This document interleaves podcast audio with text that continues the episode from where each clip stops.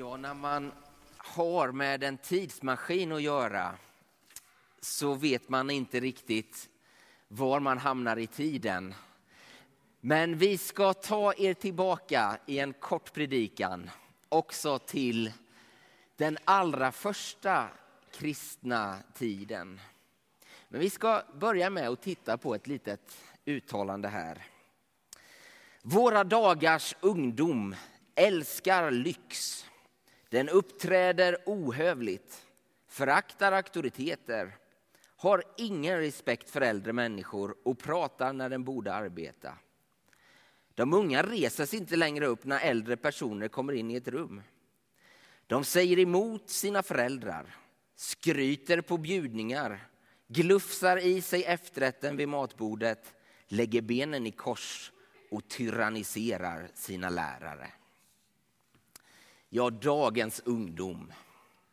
Så tänkte Sokrates 400 år före Kristus. Att oroa sig för hur det ska bli när dagens ungdom ska ta över tycks vara en tidlös fråga. Att oroa sig över utvecklingen i den tid som är nu tycks vara en annan tidlös fråga. Och när man gör det, då har man en tendens att svartmåla nuet och skönmåla historien. Ja, för att ta ett exempel från idag. Nu är ju alla så upptagna med sina telefoner hela tiden. Tänk hur det var förr när folk pratade med varandra på tåget.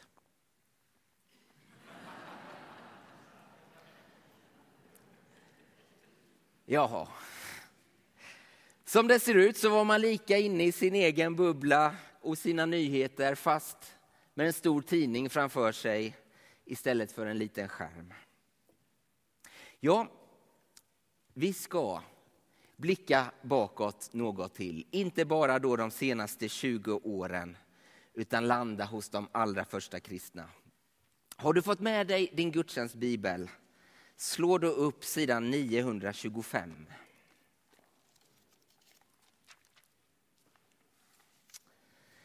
I Apostlagärningarna, det andra kapitlet, ifrån vers 41.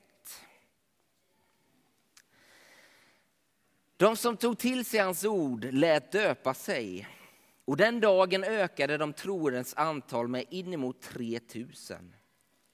Och de deltog troget i apostlarnas undervisning och den inbördes hjälpen, i brödbrytandet och bönerna. Alla människor bävade. Många under och tecken gjordes genom apostlarna. De troende fortsatte att samlas och hade allting gemensamt. De sålde allt vad de ägde och hade och delade ut åt alla vars, och, vars, efter vars och ens behov. De höll samman och möttes varje dag troget i templet. Och i hemmen bröt de brödet och höll måltid med varandra i jublande uppriktig glädje. De prisade Gud och var omtyckta av hela folket. Och Herren lät var dag nya människor bli frälsta och förena sig med dem. Så bläddrar vi fram en sida till kapitel 6 de kristna har börjat växa, behoven är stora. Man behöver börja organisera sig. Vid denna tid då lärjungarnas antal ständigt växte började de grekisktalande judarna klaga över att de infödda judarna åsidosatte deras änkor vid den dagliga utspisningen. De tolv kallade samman alla lärjungar och sa det är inte riktigt att vi ska försumma Guds ord för att ordna med måltider. Nej, bröder, välj ut sju män bland er som har gott anseende och är fyllda av ande och vishet. Så sätter vi dem till sådana uppgifter. Då kan vi själva ägna oss helt åt bön och ordets tjänst. Alla de församlade gillade förslaget och de valde Stefanos, en man fylld av tro och helig ande. Filippos, Prochoros, Nikanor, Timon, Parmenas och Nikolaus, en proselyt från Antiochia och förde dem fram till apostlarna som bad en bön och la sina händer på dem. Guds ord vann spridning och antalet lärjungar i Jerusalem steg kraftigt. Även en stor mängd präster började omfatta tron. Och så ett sista nedslag i kapitel 17. Ifrån vers 16 på sidan 940.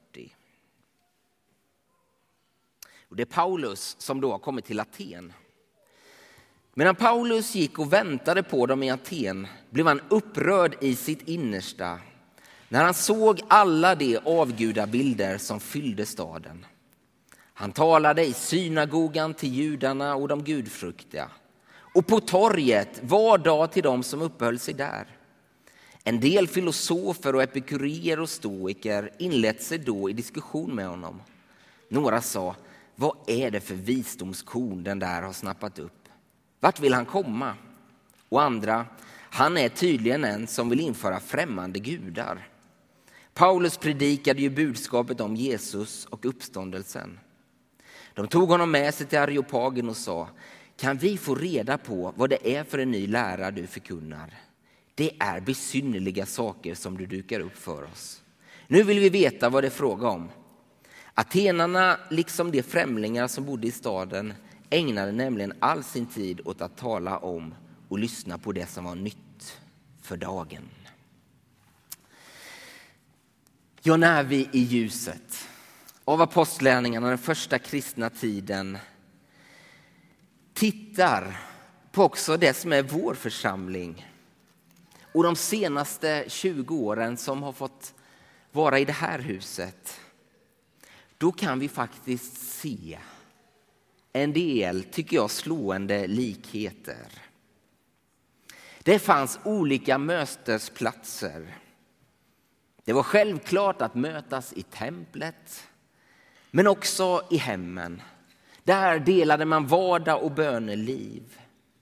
Och andan och gemenskapen den var tydligen sådan att den inte uppfattades som exklusiv eller sluten.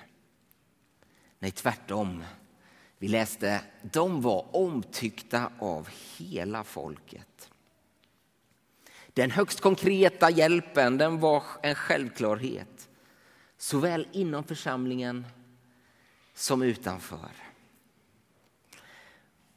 Och förutom templet och hemmen kan vi också lägga till torgen och gatorna. Ja, tittar vi på vad som drev en process att vilja bygga en kyrka som denna så tror jag att man såg ett behov av mötesplatser. Mötesplatser och därför behövde man också utse människor andra än de traditionella församlingstjänsterna som kunde få komma till sin rätt med sina gåvor. Och visst kan vi se att också detta med att bespisa människor på många olika sätt, det har varit en verklighet de här 20 åren. Man har fått erbjuda konferensluncher. Man har fått hjälpa människor där pengarna är slut fast det är långt kvar till nästa månads betalning.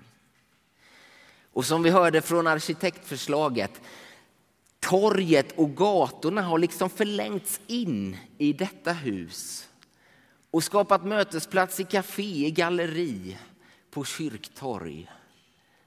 Man har velat vara en del av stadens liv för alla Linköpingsbor. Också det allra mest praktiska arbetet har krävt mer av oss de här åren. Men jag skulle vilja påstå att också städa en toalett kan ha ett högre syfte.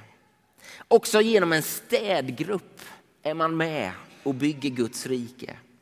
Och jag vet att det har kunnat uppstå ganska dråpliga situationer när någon har varit här och städat och så dyker det upp en arbetskamrat där man egentligen jobbar.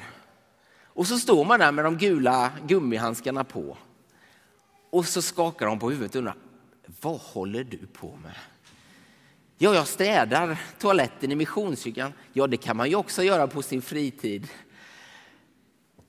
Ja, det kanske är en märklig fritidssysselsättning. Men satt i sitt sammanhang så blir det ju alldeles självklart. Därför att kyrkan är också vårt andra hem. Och vill man bedriva ett gott värdskap, öppna upp sitt hem, ja då är det ju självklart att vara med och skapa förutsättningar för det. Det här huset är en kombination av templet, hemmet, torget, gatan. Det har fått stå som exempel på att i kyrkans liv så vill vi att hela livet ska sitta ihop. Hela livet ska rymmas. Exemplet Paulus i Aten det visar också på att det kristna livet är inte bara knutet till en speciell plats. Vi såg i en liten notis, vi kanske inte ens tänkte på det. De tog honom med sig. Finns det ett bättre sätt för ett möte att uppstå, att bli medbjuden. Och jag är så glad och tacksam att tillhöra en församling av medlemmar som också blir medbjudna. Jesus, han var ofta medbjuden på fester.